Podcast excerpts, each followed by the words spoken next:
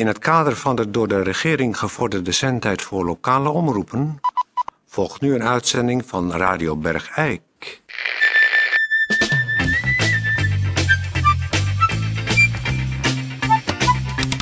Radio Bergijk. Het radiostation voor Bergijk.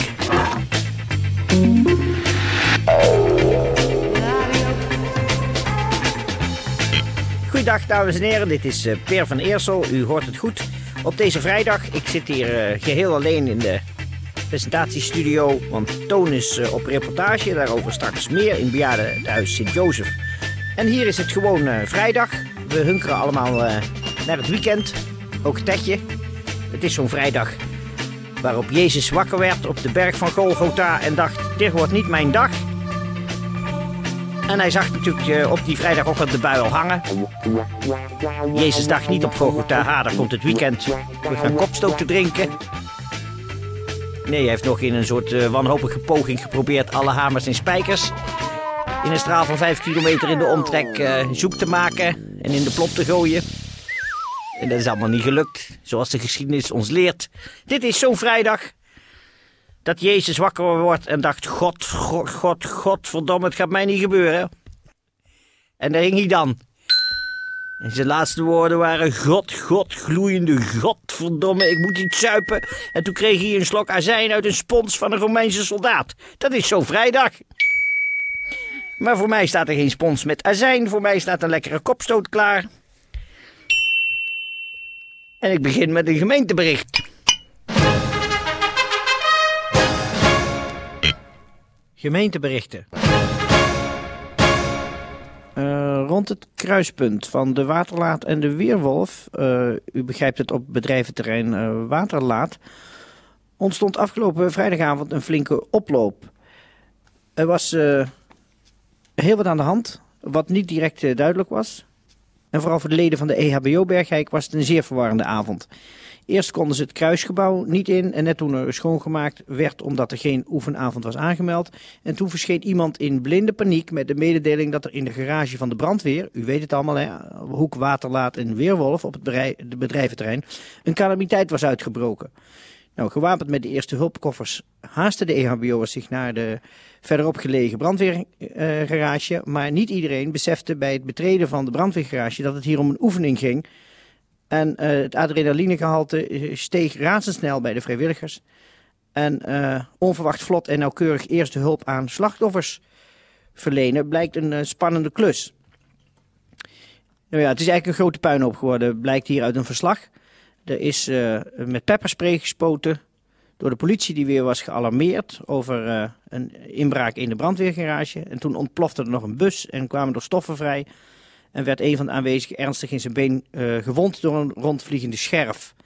Nou, al, al gauw brak er paniek uit. Het was echt een verschrikkelijke toestand. De aanwezigen raakten gedesoriënteerd door de rookontwikkeling en geïrriteerde ogen. Meubilair viel om. En diverse aanwezigen liepen botbreuken op en hadden last van het gezichtsvermogen en moesten opgenomen worden. Um, en toen de EHBO, de echte EHBO daar weer eh, arriveerde, konden ze weer niet naar binnen. En een ander brandweerkorps is nog gewaarschuwd. Uiteindelijk liepen daar een paar honderd mensen in blinde paniek door elkaar heen.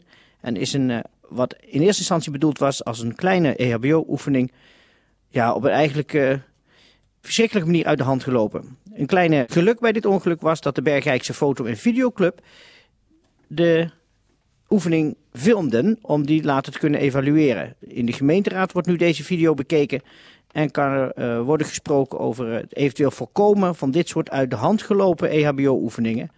Want uh, zo is het toch niet echt de bedoeling.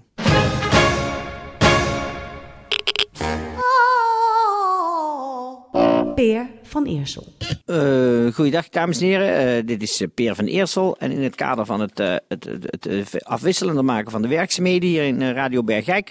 hebben we een keer de rollen omgedraaid. Zit ik hier in de, in de studio. En gaat Toon Sporenberg met de mobiele centinstallatie... die ik meestal op mijn rug heb hangen... die heeft hij nu omgegord. En is hij op reportagetocht gegaan naar het Centrum voor Ouderenzorg Sint-Jozef... Want hij heeft daar een, een interessante dame ontmoet die die, uh, waar hij graag eens uh, een paar uur mee meeloopt. Ik zou zeggen, Toon, kom er maar in. Ben ik erin, Peer? Ja, ik zie Tetje schudden. Oh, oké. Tetje schudt nee, wacht even. Oh, dan moet ik even wachten nog even. Wacht even. Misschien moet ik... Oh ja, en hij schudt ja. Oh, hij schudt, ja. Ja, boven. Dus ik ben ja. erin nu? Nu ben je erin. Oké. Ja, dames en heren, dit is Toon Sporenberg op reportage. Ik ben eh, in het eh, verzorgingshuis eh Sint-Jozef. Het is zo, u weet allemaal, eh, in Sint-Jozef is zelfbestuur. Eh, de oude directrice is weggestuurd. Maar dat betekent dat er wel een soort eh, te hoge werkdruk is ontstaan hier. En ik sta hier naast mevrouw Ellie Antonis, de vleesgeworden verpleegster van Bergijk. Dag mevrouw Antonis. Hallo. Hallo. Ik ben nu op reportage bij u, want u weet van aanpakken. hè? Nou, dat weet ik zeker. Ja, Dat moet wel, hè? dat moet natuurlijk. Want, Ja. want er zitten hier veel eh, bejaarden die eh, verzorging willen. Ja, die kunnen niks zelf, zeggen ze. Ja. Nou bent u bezig om, om eh, het roer hier om te gooien. En u wilt ook graag weer mensen interesseren voor het prachtige werk van verpleging en verzorging. Ja, natuurlijk, we moeten meer jongeren hebben die meer energie hebben. Ja. En de jongeren die, die, die moeten begrijpen dat het best leuk kan zijn om bejaarden te verzorgen. Dat dit niet Echt allemaal eh, saai is. Nee, ja. Oh, het is niet saai. nee. Nee, je moet er wat van maken. Ja, ja. En, En, je moet niet eh, maar eh, gehoorzaam tegen die bejaarden alles doen wat die willen. ja, nou zitten hier ook veel demente bejaarden Ja, natuurlijk. En- enorm veel. Ja, dat is natuurlijk weer een hele andere aanpak. Want je, het ene moment verzorg je ze en het volgende moment zijn ze het weer vergeten. Die moet je helemaal niks laten zeggen, want die moet je gewoon echt verzorgen en, en anders niks. En anders niet met mij gaan praten, dat, eh, dat, dat kost veel te veel tijd. Nou, dan zitten, we gaan de- dadelijk deze kamer eh, in waar we nu voor staan. Want Ja, daar zit meneer Van Aartsen. Meneer Van Aartsen eh, is bedlegerig. Ja. Ja, meneer Van Aartsen. Eh, even mond houden, we gaan even kijken. Heeft u al gepoept? Zuster, ik moet scheiden. Ja, maar dat ging toch steeds niet, dat poepen? Is dat al gebeurd? Zuster, nee, Maar geen klisma vandaag? jawel. Geef je mij een klisma. Nou, dan geef ik maar een klisma, want anders moet ik weer een uur zitten wachten. Ja, ja, dus dan, dan is het gewoon als hij wil Ja, we werken eh, enorm veel met klisma's, Ja. omdat als je allemaal maar goed moet... eh, bejaarden schijten slecht. Ja, echte gewone mensen. We gaan inderdaad graag op het toilet zitten met eh Met krant. een krant en een kopje koffie en een sigaretje. En dan komt het en is klaar. Want wij moeten weer aan het werk. Tuurlijk. Maar wat doet die bejaarde? Die is niet gemotiveerd. Om, eh, om een beetje haast te maken. Dus die denkt... eh, die gaat ook niet meer persen. Vaak gaat het ook niet meer door de spieren. Het gaat niet. Dus dan zit je daar. Ja, wacht Dat even. Wacht even, krijgt zo'n klisma. Ja. Dus dan zit je daar eh, in je dure tijd. Ja, Zit je te wachten tot die bejaarde gepoept heeft. Ja, want- Hè, want je moet helpen met schoonmaken, met de, met, met, met de, met de, met, de kont afvegen. Ik moet ja. Van Aartsen even de mond dicht, want ik ben eh, op reportage. Eh, want ja, het is natuurlijk zo. eh, de- deze bijvoorbeeld, Van Aartsen, die, die wil nu schijten. Maar in de kamer hiernaast ligt er een en die wil ook weer schijten. Ja, dus dan, dan, dan blijf je bezig. Ja. Nou, we gaan even een klisma doen. Dan ga ik even de assistenten vragen. Één klisma één. Ja, dat doen we ook. Dan ga ik zelf allemaal niet meer meenemen Nee. en halen. Ja, dankjewel. Nou, dan gaan we even de klisma zetten. Ja, zal Zo. ik hem omdraaien? Ja. Nee, dat mag u best zien hoor. Dat maakt ook allemaal Ja. niks uit. Dan niet allemaal gordijnen dicht doen. Niet zo en-. Zo. Ja, stil, want eh, je wilt toch poepen? Nou, dan moet je maar lijden. Wie poepen dat- wil, moet lijden. Oh, dat zie ik nou ook voor het eerst- voor het eerst van die echte doorlichtwonden. Zo, dat ziet er niet mooi uit. Ja, komt, komt het al? het komt, het komt. Ja, nou, hier is de steek. Zo. Ja, dat komt er allemaal uit. Zo van een lucht, zeg. Ja. Zo, en dat is klaar. Ja, nou, een beetje opschieten. Ja, kom maar zo. Nou, en af. Ja, een beetje stil, want we zijn voor de radio. Ja, precies. Ja, ze kunnen zich Nou. best inhouden hoor, maar ze zijn zo gewend om. Ja. Kijk, als die familie komt, dan willen ze medelijden opwekken. Dus wat doen ze? Ze oefenen zich in allerlei zielige geluiden, dat is echt waar. Dus, eh. Want ze zijn klagerig, hè? Ze zijn Even vreselijk klaar. Even schoonmaken. Ja, meneer Van Aertsen, zo is het goed. Even Klaar? schoon- ja, dat is schoongemaakt. Klaar. Zo, onder de dekens. Goed. Ja. Nou, we gaan nu slapen. Meneer Van Aertsen, doe de gordijnen dicht. En we gaan slapen. Meneer Van Aertsen. Zuster, ik moet nog, nog een, een Nee. beetje scheiden. We gaan nu Zo. weg. hoor. We gaan naar de Ja, we volgende. gaan- Ik wil nog een beetje Ja, scheiden. vanuit ze slapen. Ja, nou, het is inderdaad he- heel mooi werk. Ik, het, het is heel goed. Kijk, dat gaat snel. Dat gaat precies. Kijk, als ik nou helemaal ingegaan was op, op, op de leefwereld van, eh, van meneer Van Aertsen in dit geval... Ja. dan eh, ben ik drie uur kwijt. Ja. En nu doe ik dit vijf minuten. Gewoon- En eh, zo'n klisma is heel nergens. Zo lang heeft hij niet meer te leven. Kijk, voor een jonger iemand is een klisma helemaal niet zo goed. Nee. Maar ja, dus, die man, hoe lang zal hij nog te leven hebben? Dus, een jaar of drie, vier. Zo duur is een klisma ook niet. Nee. Dus dan doen we het zo. En eh, die, u, oh, u gaat nu het klisma wassen wat weer hergebruiken bij de volgende? Eh, ja, het wordt even afgespoeld. Nou, in ieder geval, eh, ik, ik hoop... maar. Nee. Nee, precies. Radio Bergijk. Het radiostation voor Bergijk. Nou, dat was natuurlijk een, eh, een eh, reportage van Toon die eh, zeer vakkundig in elkaar zat en aan duidelijkheid niets te wensen overliet. Op deze vrijdag. En eh, voordat we gaan spijkeren. ehm, of is het spijker al achter de rug? Hoe laat was het eigenlijk? Dan zou ze eigenlijk zo'n hobbyprogramma op los moeten laten. Van, hoe, hoe, spijker je nu het handigst? Door de palm van een hand en die twee voeten over elkaar. Dat is nog volgens mij, ik probeer zelfs eens iets te spijkeren.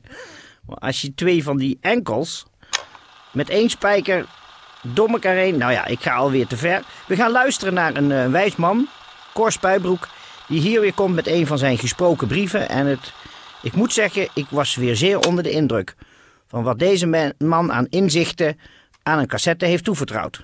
Cor Spuibroek.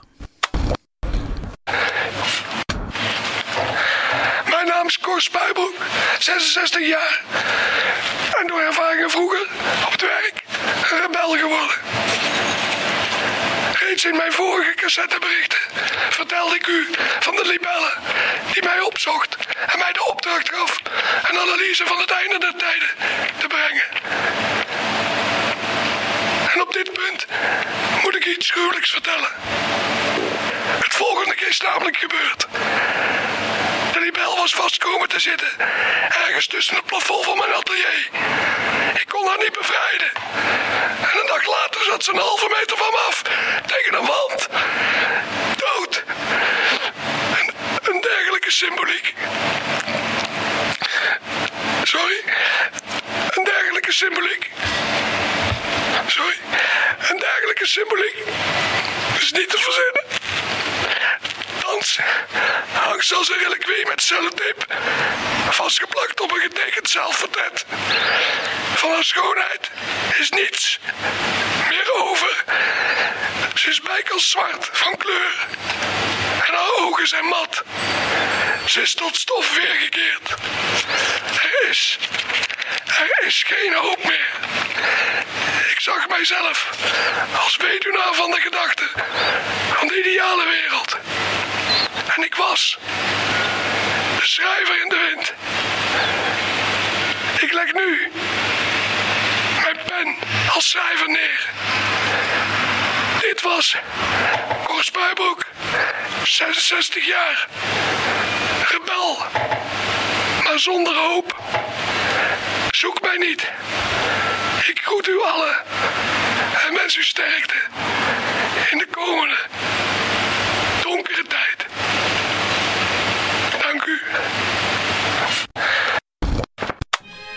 Ja, ik, ik. Ik zit hier eigenlijk, dames en heren, mag u echt weten, met stomheid geslagen. Want wat een levenswijsheid hier uitspreekt, daar kan ik eigenlijk alleen maar heel erg diep voor knielen. En denken, ja, als ik ooit die spirituele hoogte mocht bereiken. Maar goed, dat is denk ik voor mij niet weggelegd. Dit was de laatste, dames en heren, van Cor Spuibroek. We hebben geen nieuwe cassettes meer ontvangen. Dit was trouwens eh, de uitzending van vrijdag. Radio. Het weekend komt eraan. We gaan eh, dat vrolijk tegemoet. Behalve natuurlijk die ene historische figuur. Die nu met wijd uitgespreide armen. zich wanhopig hangt af te vragen waar het allemaal mis is gegaan. Ik zou zeggen, dames en heren, fijn weekend. We gaan een kopstoot drinken. Dag!